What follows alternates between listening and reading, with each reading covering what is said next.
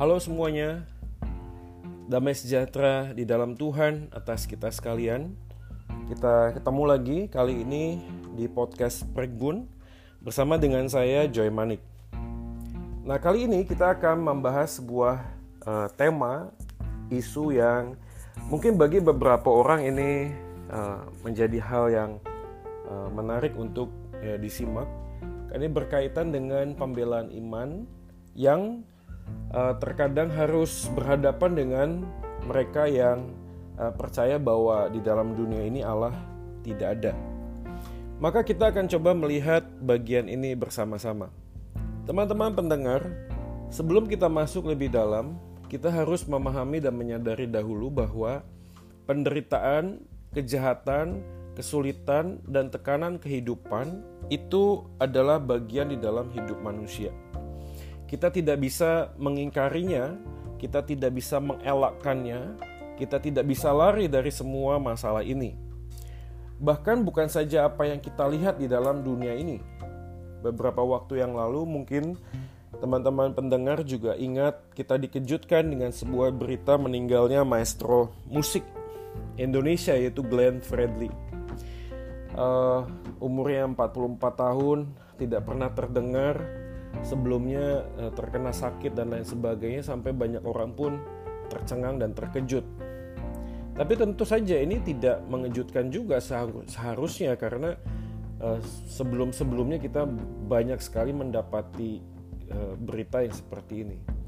Tidak hanya itu apa yang kita sedang alami saat ini juga mungkin menjadi refleksi misalnya COVID-19 di Indonesia ini semakin meningkat kita melihat berita di WA group di media sosial baik di media massa juga kita melihat perkembangannya. Kadang-kadang membuat orang juga takut karena bukan hanya sekedar virusnya hari ini karena dampaknya sudah uh, ke mana-mana ke ekonomi ke sekolah ke banyak hal.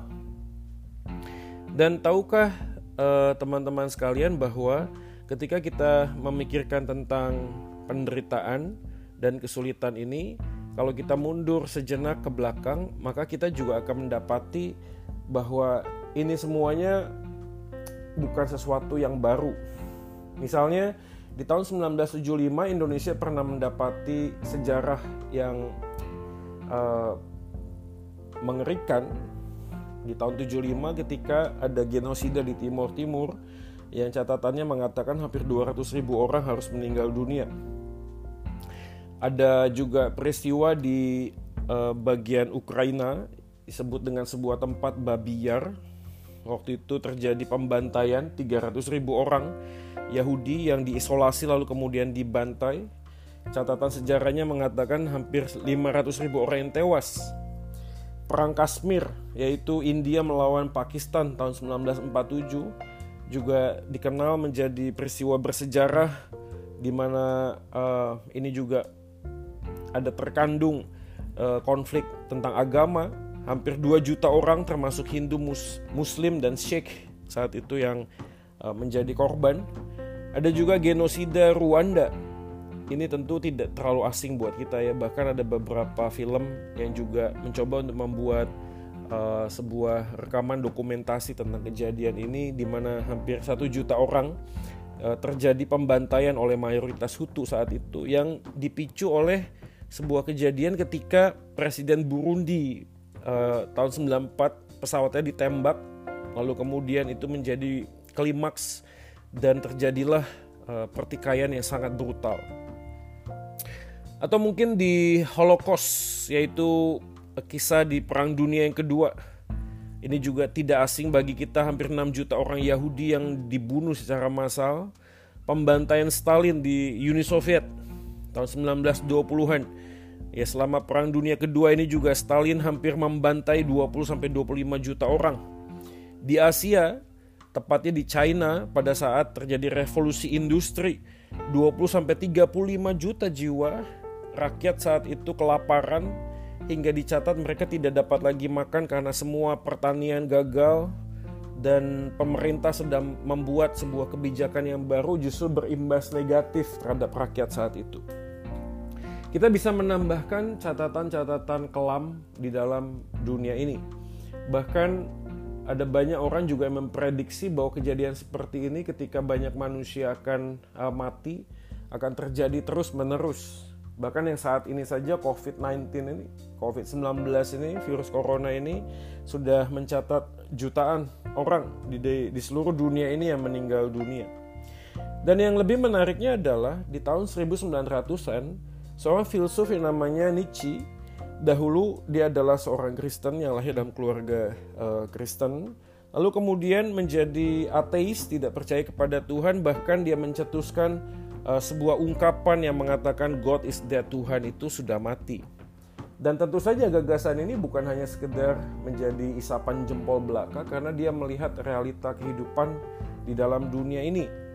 Kematian Tuhan menjadi jawaban yang nyata ketika seluruh penderitaan dan kesulitan di dalam dunia ini tidak kunjung usai, bahkan sebaliknya malah uh, semakin menjadi-jadi. Jauh sebelum Nietzsche, seorang filsuf namanya Epicurus di tahun 34 341 sebelum Masehi juga pernah um, memberikan sebuah konsep tentang dikenal dengan trilema Epicurus. Trilema Epicurus ini mengatakan bahwa apakah Tuhan mau menolong manusia tapi tidak mampu melenyapkan kejahatan? Kalau memang iya, berarti Tuhan itu tidak maha kuasa. Apakah Tuhan mampu menolong setiap manusia dalam dunia ini, tapi tidak mau melenyapkan kejahatan. Kalau demikian, maka Dia tidak lagi Maha Pengasih. Maka, jika Tuhan yang mampu dan mau melenyapkan kejahatan, tapi realita di dalam dunia ini masih ada kejahatan, maka sudah pasti tidak ada lagi Tuhan di dalam dunia ini. Maka, pada waktu kita melihat semua konsep yang digadang-gadang oleh mereka yang uh, menyangkali keberadaan Tuhan itu sedikit banyak memberikan juga sebuah masukan dan evaluasi bagi kita yang uh, percaya kepada Tuhan. Apa maksudnya? Saya mengangkat beberapa respon uh, atau pendapat umum mereka yang mengaku percaya kepada Tuhan ketika melihat kejahatan, penderitaan, dan kesulitan yang terjadi. Entah ini dialami sendiri atau mungkin orang-orang yang mengaku percaya kepada Tuhan ini ingin menghibur orang lain. Maka pendapat umum yang pertama adalah yang saya sebut dengan rohani recehan. Kenapa rohani recehan? Karena beberapa orang yang mengaku percaya kepada Tuhan terlalu memudahkan bagian ini, oversimplified, menyederhanakan. Sehingga mereka hanya merespon dengan kalimat-kalimat demikian. Ya Tuhan kan punya rencana yang baik buat kita. Ada sesuatu yang lebih baik di balik semua kesulitan ini. Uh, Tuhan itu bekerja dalam segala sesuatu dan seterusnya dan seterusnya. Saya tidak mengatakan sebagai orang yang percaya kepada Tuhan juga bahwa kalimat ini adalah kalimat yang salah. Tapi kita harus mundur sejenak dan memikirkan apa yang kita uh, omongkan, sampaikan itu apakah sungguh-sungguh kita memahami. Maka sering kali kita lebih banyak bicara tentang Tuhan, tapi kita tidak mengenal Tuhan yang kita sering kali bicarakan. Atau respon yang kedua yang sering kali muncul yang saya dengar adalah menghibur dengan membandingkan. Tentu tidak asing bagi kita ketika ada orang yang sedang menderita kesulitan, kita mengatakan coba lihat kita harus bersyukur pada Tuhan. Ada banyak orang di luar sana yang lebih menderita daripada kita. Kalau hari ini kita kesulitan untuk bisa pesan makanan, lihat ada banyak orang di luar sana bahkan yang tidak bisa makan. Kalau kita memang sedang kesulitan dengan keuangan dan ekonomi, lihat ada tukang beca, ada bang bakso hari ini yang mungkin juga jauh lebih menderita daripada kita. Lagi-lagi mencoba menghibur dan mencari sebuah solusi dengan membandingkan itu bukanlah sebuah kebenaran. Karena saya amat yakin bahwa setiap orang memang diizinkan untuk melalui sesuatu dan tidak bisa orang lain itu jadikan perbandingan untuk bisa membuat kita itu lebih bisa bersyukur. Uh, saya ingat sekali waktu uh, suatu kali ada pesawat yang membawa penumpang pagi-pagi waktu itu lalu kemudian uh, dinyatakan kehilangan kontak dan singkat cerita pesawat itu tidak ditemukan. Tidak lama sejak kejadian pesawat yang jatuh yang nahas itu, kemudian di medsos beredar uh, seseorang yang memberikan sebuah testimoni dan mengatakan bahwa uh, dia ini terlambat dan akhirnya gagal naik ke dalam pesawat itu lalu Tuhan menolong dia sehingga dia tidak lagi, tidak jadi meninggal dan dia mengaku bahwa berkat Tuhan atas dia itu melimpah. Oleh banyak orang kemudian merespon negatif dengan kesaksian ini. Karena apakah mungkin orang yang terlambat ini adalah orang yang lebih diberkati ketimbang mereka yang ada di dalam pesawat itu? Ini menjadi menjadi batu sandungan bagaimana kita bisa memahami keluarga mereka yang saat itu ada di dalam pesawat tersebut, anak-anak, suami atau istri mereka yang ada dalam pesawat tersebut yang kemudian harus meninggal dunia. Jadi pola perbandingan untuk menghibur ini bukanlah sebuah jawaban yang benar. Respon umum yang ketiga adalah takdir atau dalam bahasa kerennya adalah fatalisme faith. Iman yang fatalisme hanya bicara tentang kepasrahan, hanya bicara tentang sesuatu yang uh, seakan-akan menyudutkan Tuhan, membuat Tuhan itu menjadi terdakwa dan Tuhan itu menjadi pribadi yang memang ya apa boleh buat dia sudah berkehendak demikian ya kita harus nerimo saja, terima saja. Nah saya juga ingat dalam satu kali uh, kejadian bukan di uh, bukan di gereja Pregolan tentunya, suatu kali saya mendengar sebuah percakapan. Nah, percakapan itu terjadi dari beberapa orang yang sedang melayat ya Maisong, orang yang meninggal dunia. Pada saat mereka berbincang-bincang, ada sebuah kalimat yang saya dengar dengan sebuah pertanyaan. Ada satu orang bapak mengatakan, kasihan ya bapak itu meninggal padahal usianya masih muda.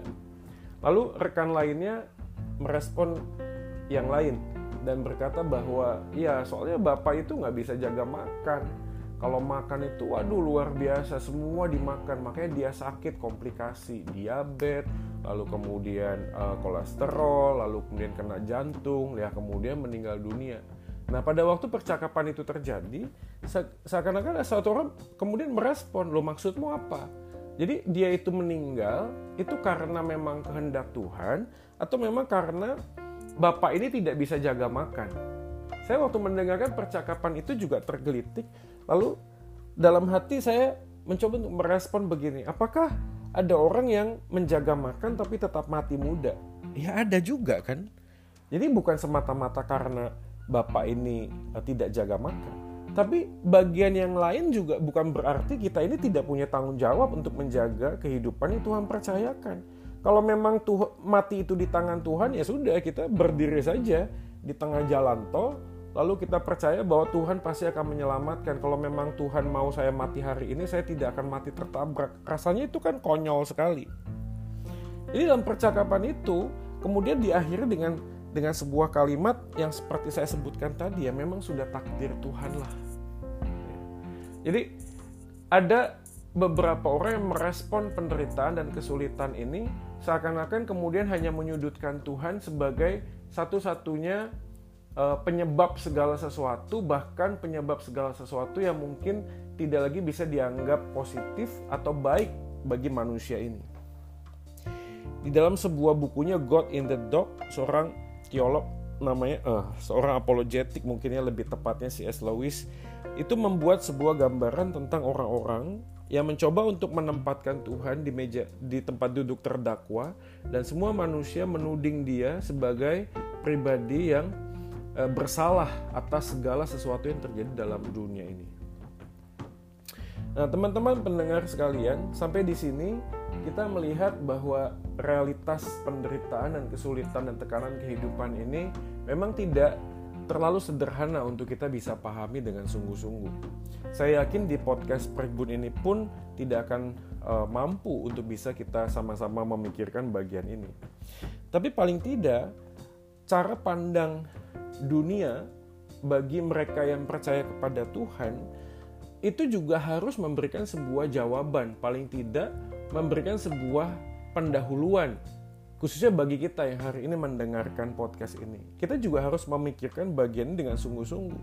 Karena bagian isu tentang penderitaan dan keberadaan Allah itu tidak hanya menjadi uh, tugas orang Kristen, tapi juga orang-orang yang mengaku percaya ada Tuhan juga harus memberikan jawaban yang sama, memberikan sebuah argumentasi apakah betul uh, penderitaan dan keberadaan Allah itu uh, tidak bisa berjalan berbarengan. Salah satu harus tidak ada. Kalau Tuhan ada, tidak harusnya tidak ada penderitaan. Berarti kalau ada penderitaan, harusnya Tuhan tidak ada. Dalam dunia ini beberapa rekan dan sahabat kita yang kita kasihi, misalnya mereka yang menganut kepercayaan Buddha, di dalam doktrin dasar ajaran Buddha ini dikenal dengan empat kebenaran mulia. Empat kebenaran mulia itu adalah satu kebenaran akan adanya duka, duka adalah penderitaan. Yang kedua adalah kebenaran tentang asal muasal penderitaan. Yang ketiga adalah kebenaran tentang menghentikan penderitaan. Dan yang keempat adalah kebenaran akan jalan untuk menghentikan penderitaan itu. Yang kemudian di dalam penjelasannya dikenal dengan uh, delapan jalan mulia berunsur delapan. Ya, pengetahuan yang benar, kata-kata yang benar, pikiran yang benar, dan seterusnya.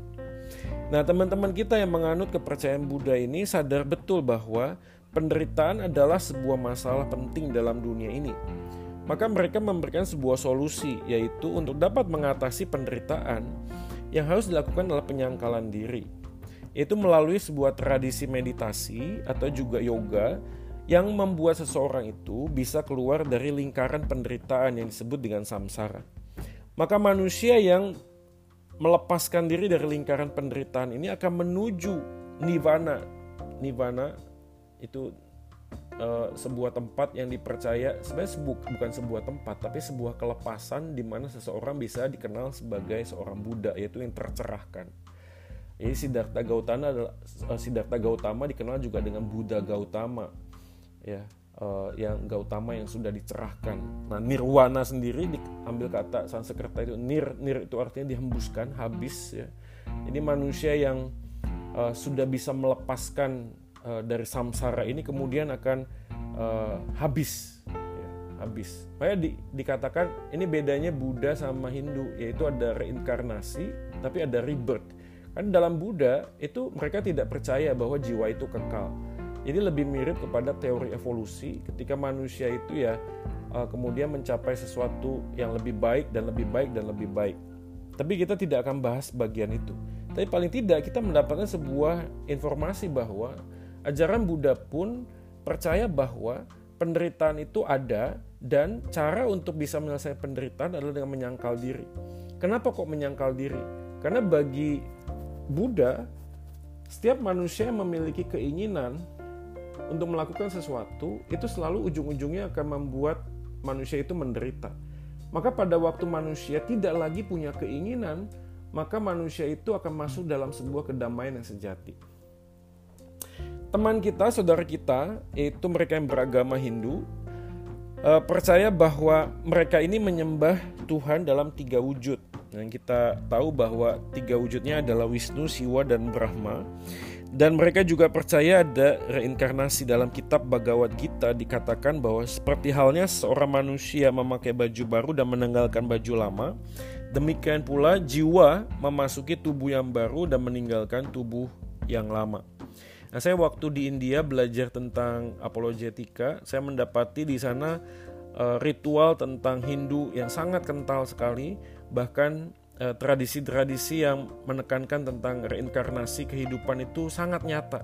Ya di sebuah kota yang cukup besar di mana kita tinggal saat itu untuk belajar, saya melihat bagaimana binatang-binatang diperlakukan sangat istimewa.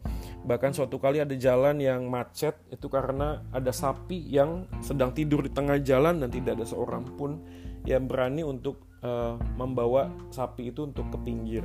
Bahkan waktu saya tiba di sana pun di sana ada banyak burung gagak di tengah-tengah kota.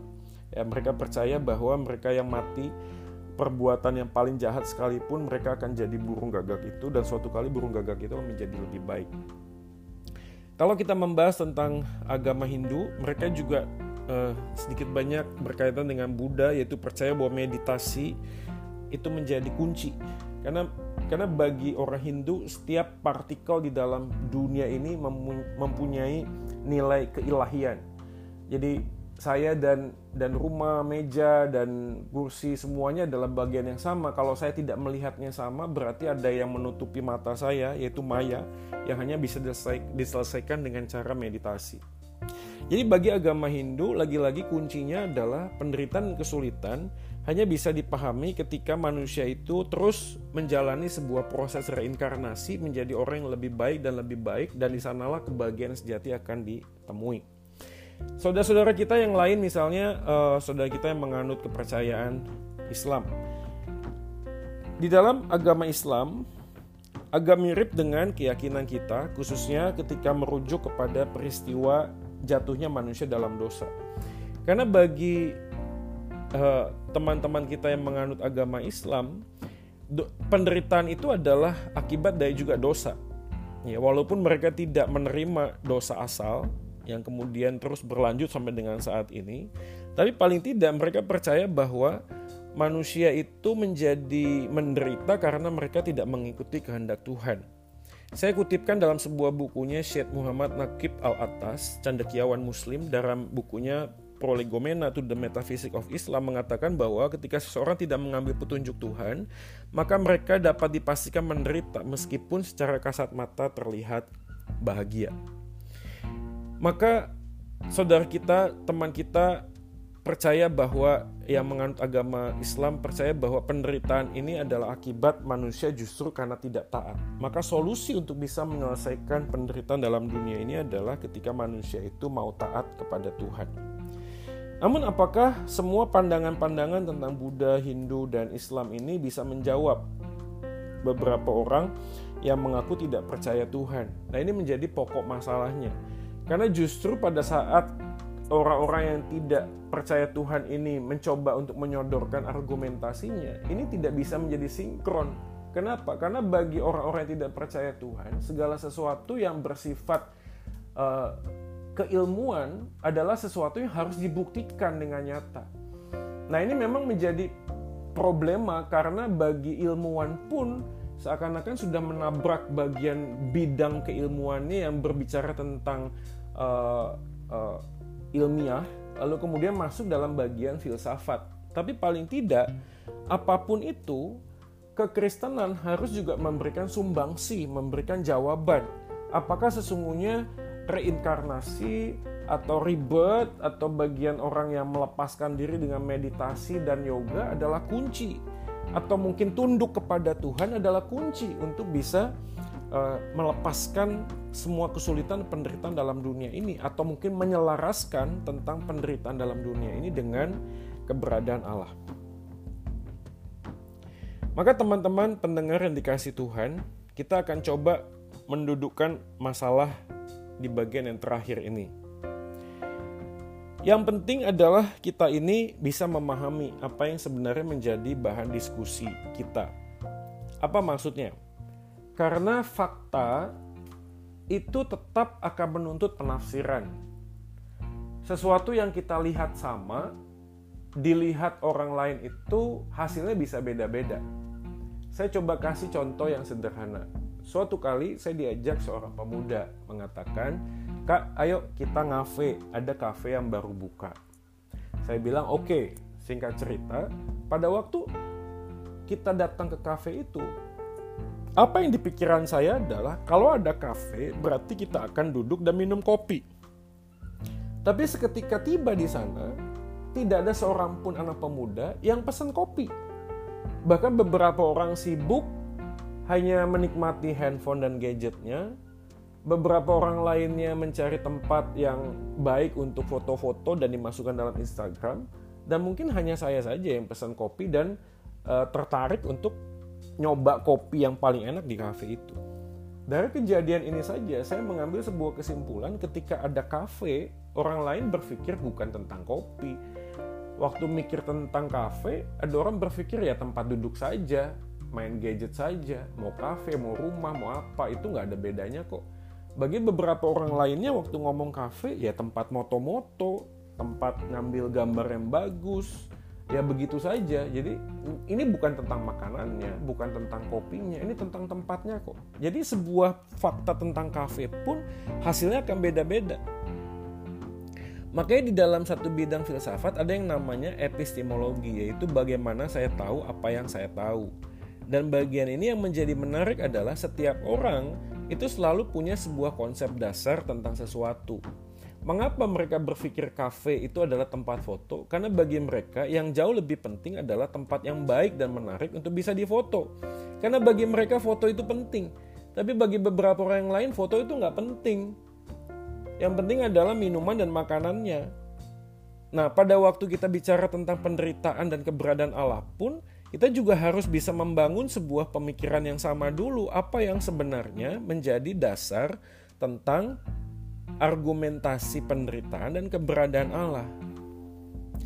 Karena ketika orang-orang ateis bicara tentang penderitaan keberadaan Allah, orang-orang yang tidak percaya Tuhan ini selalu berpikir bahwa penderitaan itu sama dengan kejahatan. Karena penderitaan sama dengan kejahatan, maka Allah itu tidak ada karena Allah tidak mungkin jahat. Maka sejatinya orang ateis pun yang tidak percaya Tuhan ini perlu memikirkan ulang tentang sebuah penalaran mengenai alasan kenapa kok mereka berpikir penderitaan itu jahat. Mungkin teman-teman pendengar uh, mulai bingung apa yang menjadi maksud. Saya kasih contoh sederhana begini. Apakah penderitaan itu selalu jahat? Contohnya, beberapa atlet itu bangun subuh jam 4, jam 3. Lalu mereka digembleng sedemikian rupa berlari, mereka harus narik beban, mereka begitu menderita, harus jaga makan, sangat menderita. Nah pertanyaannya kalau Anda tanya kepada atlet, kok kamu mau menderita seperti itu? Karena mereka sadar bahwa apa yang mereka alami, penderitaan yang mereka alami, itu bukan sebuah kejahatan. Atau mungkin misalnya contoh anak saya, saya selalu kasih contoh ini dia sehat-sehat saja, baik-baik saja. Tapi saya bawa dia ke rumah sakit untuk disakiti, yaitu disuntik vaksin. Jadi pertanyaannya kan sederhana, apakah waktu saya melakukan itu saya jahat kepada anak saya? Kan tidak. Maka waktu dia menderita, anak saya menderita, itu bukan berarti sebuah kejahatan. Maka kita akan coba masuk dalam sebuah langkah kecil yang kita coba pahami, khususnya di dalam kita melihat hal-hal yang berkaitan dengan kejahatan, penderitaan, dan keberadaan Allah. Pertanyaan yang pertama yang kita perlu bahas adalah apakah itu kejahatan? Kalau memang penderitaan identik dengan kejahatan, maka pertanyaannya adalah apakah itu kejahatan? Karena pada hakikatnya, menurut saya, kejahatan itu tidak ada. Oh, tunggu, mungkin Anda akan berpikir apakah kejahatan hanyalah ilusi? Bukan yang saya maksud adalah sesuatu kita anggap jahat karena sesungguhnya kita tahu apakah itu kebaikan. Sekali lagi saya ulangi, kita bisa tahu sesuatu itu jahat karena pada dasarnya kita sudah lebih dahulu tahu apa itu yang baik. Uh, saya jemput anak saya Deon waktu itu dari sekolah Lalu ketika masuk ke dalam mobil, baru jalan belum lama, tiba-tiba dia bilang, Papa puji Tuhan, ujianku dapat lima loh hari ini. Uh, saya seketika terkejut. Saya tanya, apa-apa coba bang, maksudnya apa? Ya pak, ujianku dapat lima. Loh saya bilang, kamu kok dapat lima bangga gitu sih? Maksudnya apa kok dapat nilai lima bangga seperti itu? Saya, saya sampai bertanya sungguh-sungguh, maksudmu apa? Lalu dia menjelaskan dan mengatakan kalimat begini. Mata pelajaran itu memang nilai paling bagusnya itu 5. Jadi nilai 1, 2, 3 itu yang jelek katakanlah begitu ya 4 cukup 5 itu sudah paling bagus karena nilai 5 itu nilai yang maksimal Lalu saya menarik nafas dan mengatakan oh begitu maksudnya Apa makna dari kisah ini? nilai 5 itu hanya bisa dinilai baik karena kita tahu standarnya adalah 1. 1 sampai 5. Nilai 5 itu jadi jelek kalau standarnya adalah nilai yang bagusnya itu 100. Atau katakanlah 10 gitu lah. Jadi kalau nilainya 5 berarti 5 yang salah. Nilainya setengah saja gitu. Artinya untuk bisa mengerti sebuah nilai itu bagus atau tidak bagus, kita perlu tahu standarnya dulu kan. Hal yang sama juga kita bicara tentang kejahatan. Kalau kejahatan itu sifatnya objektif, artinya di mana pun di dalam belahan dunia ini pun kita ngomong pembunuhan adalah sebuah kejahatan. Artinya kita harus tahu dulu sebuah standar yang baik. Kalau ada papa bunuh anaknya, mau nanya di Amerika, di Eropa, di Indonesia, di mana di Benowo, di di Pregolan, semua pasti mengatakan itu jahat, papa bunuh anak jahat. Mungkin ada yang mungkin angkat tangan lalu ngat, Pak itu ada loh tradisi penyembahan berhala mempersembahkan anak. Ya saya tahu juga gitu loh, tapi mana mungkin sih papa dan mamanya waktu harus mempersembahkan anak lalu hore aku mempersembahkan anakku oh, hore gitu. Enggak pasti mereka juga sedih dan terpaksa. Artinya ada sebuah dorongan bahwa itu adalah sebuah kejahatan gitu dalam hati. Nah pertanyaannya bagi orang-orang yang tidak percaya pada Tuhan dari mana Anda bisa tahu dan bisa punya standar tentang kebaikan? Saya mengajak Bapak teman-teman pendengar untuk bisa membaca sebuah buku yang dikarang oleh William Lane Craig. Ya bukunya cukup tebal tapi ini bagus sekali judulnya Reasonable Faith. Dikatakan kutipannya demikian di halaman 75. The moral principles that govern our behavior are rooted in habit and custom, feeling and fashion. In a world without God, who is to say which action are right and which are wrong. Who is to judge that the values of Adolf Hitler are inferior to those of a saint, orang kudus? Dalam kutipan ini, William Lane Craig sedang mengatakan, di dalam dunia yang tanpa Tuhan, siapa yang yang punya otoritas membuat sebuah standar bahwa perbuatan ini jahat, perbuatan ini baik? Saya kasih contoh lagi yang berikutnya. Teman-teman pendengar, apakah di dunia ini ada kegelapan? Mungkin Anda langsung menjawab, ya ada pak gelap. Tapi pertanyaan saya adalah, bagaimana Anda tahu itu adalah gelap? Karena untuk bisa menjelaskan sebuah ruangan gelap, Anda harus tahu juga standar kebaik ke, eh, tentang terang. Maka pada dasarnya, gelap adalah kondisi ketiadaan terang. Maka ketika terang mencapai titik nol, di sanalah terjadi kegelapan. Nah ini sangat menarik sekali karena dalam Yohanes 8 ayat 12, Yesus pernah berkata, maka Yesus berkata kepada orang banyak katanya, akulah terang dunia. Barang siapa mengikut aku, ia tidak akan berjalan dalam kegelapan, melainkan ia akan mempunyai terang hidup. Yesus menempatkan dirinya sebagai terang yang sesungguhnya maka mereka yang ada di dalam Yesus mereka bisa melihat terang yang sejati dalam dunia ini. Mereka bisa memahami bahwa tidak mungkin orang itu bisa berlaku baik kalau dia tidak di dalam Kristus. Maka di dalam Yesuslah kita bisa melihat perang yang sejati. Dan sekali lagi di dalam uh, isu penderitaan, kejahatan, keberadaan Allah, kalau ada orang ateis yang mengatakan tidak ada, Allah karena di dunia ini ada kejahatan, pertanyaannya adalah bagaimana mungkin kau tahu itu jahat kalau engkau sendiri tidak memiliki sebuah standar. Pertanyaannya siapa yang taruh standar di dalam hati nuranimu bahwa sesuatu itu jahat atau baik? Teman-teman pendengar, sekali lagi ini juga tidak mudah ketika kita mengalaminya. 8 tahun yang lalu Bapak saya dipanggil pulang oleh Tuhan dan ini mengejutkan sekali karena sekali lagi seperti mungkin Glenn Fredly tak pernah ada sejarah masuk rumah sakit, sakit uh, apa namanya uh, diabetes lain sebagainya tidak ada. Bahkan hidupnya baik ya tidak merokok tidak minum tidak keluar malam. Lalu tiba-tiba dia meninggal dunia.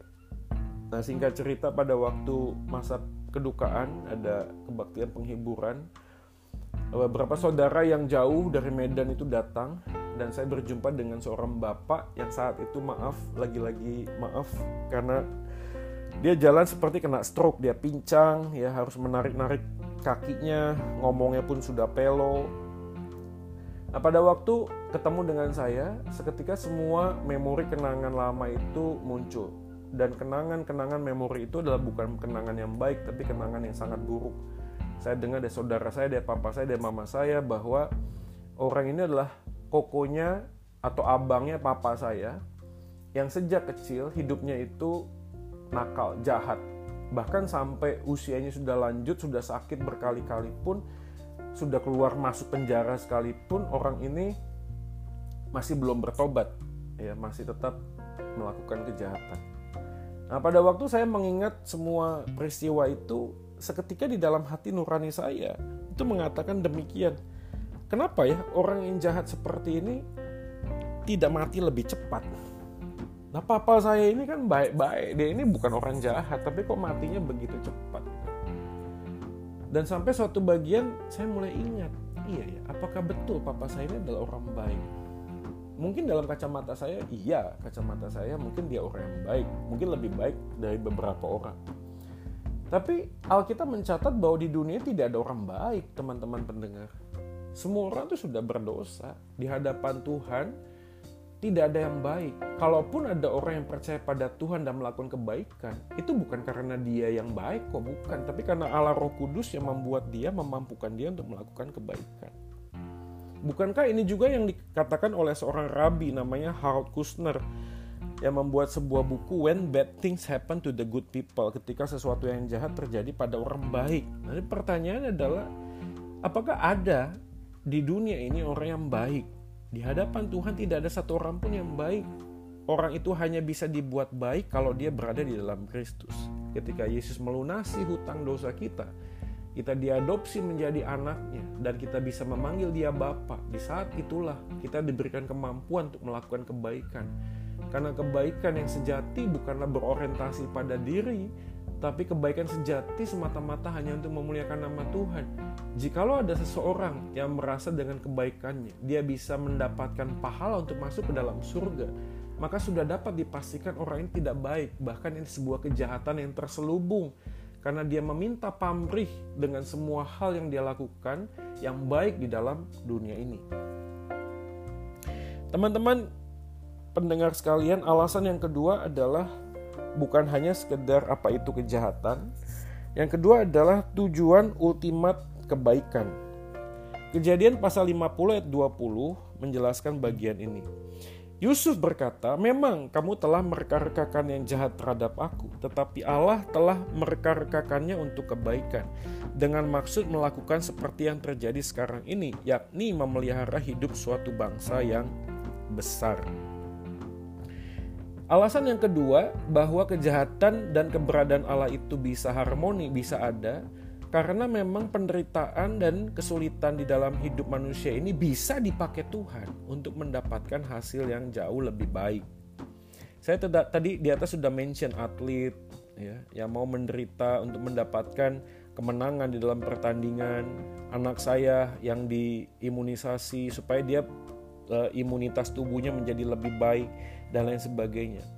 Jadi tidak ada salahnya dengan penderitaan karena penderitaan tidak selalu bermakna kejahatan. Di dalam bukunya The Institute of the Christian Religion, John Calvin mengatakan, tetapi setiap orang yang telah diajar oleh bibir Kristus percaya bahwa semua rambut kepalanya terhitung, Matius 10:30. Dan mereka akan melihat bahwa semua kejadian diatur oleh rencana rahasia Allah. Bahkan tidak ada satu titik hujan pun yang jatuh tanpa perintah yang pasti dari Allah. Maka teman-teman pendengar ini bagian yang kedua yang membuat kita menjadi sadar bahwa penderitaan, kesulitan dan keberadaan Allah bukanlah sesuatu yang harus dipertentangkan. Keduanya bisa berjalan bergandeng tangan bersama-sama karena toh di dalam penderitaan itulah kita justru menemukan penebusan dan pengampunan. Bukankah demikian? Yesus yang adalah Allah yang sejati mau datang ke dalam dunia ini dalam hidup yang sederhana bahkan mati di dalam penderitaan. Maka jalan penderitaan via Dolorosa sampai kepada Bukit Kalvari akan mencapai sebuah kemuliaan yang sejati karena pengampunan hanya akan punya arti dan nilai ketika itu dijalani melalui sebuah jalan penderitaan. Bukankah demikian?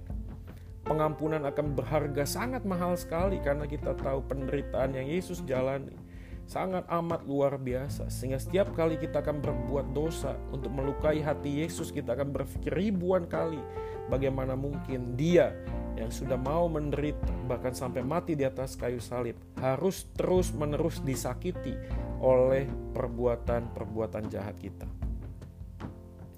Jawaban yang ketiga adalah isu tentang kasih.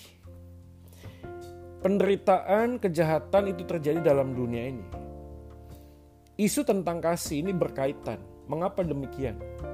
Karena pada waktu manusia pertama kali diciptakan oleh Allah Tritunggal, di dalam diri Allah adalah Allah yang kasih maka Allah Tritunggal adalah Allah yang di dalam dirinya saling mengasihi. Allah Bapa mengasihi Allah Anak, Allah Anak mengasihi Allah Roh Kudus, Allah Roh Kudus mengasihi Allah Bapa. Maka di dalam dirinya yang sangat mengasihi ini dia menciptakan manusia. Nah, perhatikan teman-teman pendengar ini penting sekali. Karena pada waktu manusia diciptakan, Alkitab mencatat kita diciptakan menurut gambar dan rupanya. Sehingga pada waktu Tuhan menciptakan manusia sesuai dengan gambar dan rupanya, di dalam dirinya yang adalah kasih, juga melekat di dalam diri kita yang adalah kasih. Maka untuk bisa mengasihi, manusia harus diciptakan dengan kehendak bebas. Karena tidak mungkin manusia bisa mengasihi kalau di dalam dirinya dia tidak bebas untuk menentukan sebuah keputusan untuk mencintai atau tidak mencintai. Saya sangat berharap teman-teman pendengar memahami seperti ini. Misalnya contoh kalau Anda punya pacar, punya pasangan, lalu Anda tanya apakah engkau cinta padaku? Lalu pasangan Anda mengatakan demikian. Aku sebenarnya gini loh, karena papamu suruh aku mencintaimu, maka aku berkata aku cinta padamu. Anda pasti akan tersinggung. Karena cinta itu harus muncul dari hati yang paling dalam, tanpa desakan, tanpa dorongan, tanpa paksaan.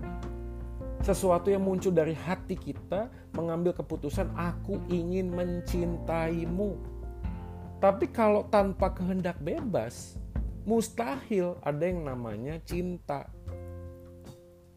Karena itu pasti robot dan saya yakin robot itu tidak punya kehendak bebas, maka robot tidak bisa mencintai. Kan ini yang juga sering terjadi ya pertanyaannya. Kak Joy, kenapa ya kalau Tuhan sudah tahu lalu kemudian Tuhan menciptakan pohon yang buahnya tidak boleh dimakan. Lah sudah tidak usah pakai itu saja gitu loh tapi kalau memang itu tidak ada, maka pertanyaannya menjadi sangat lebih lebih menjadi lebih sulit. Karena kasih bukanlah kasih tanpa sebuah ujian. Kasih itu sebuah pilihan. Dan Adam dan Hawa pada saat itu memilih untuk lebih mengasihi dirinya ketimbang mengasihi Tuhan, maka dia makan.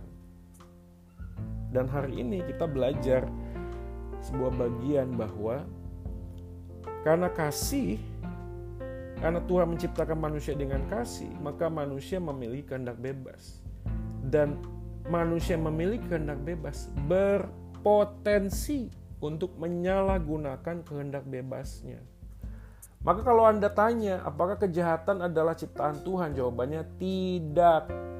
Karena Tuhan itu hanya memberikan kehendak bebas. Manusia di dalam dirinya sendiri memutuskan untuk melakukan sebuah kejahatan.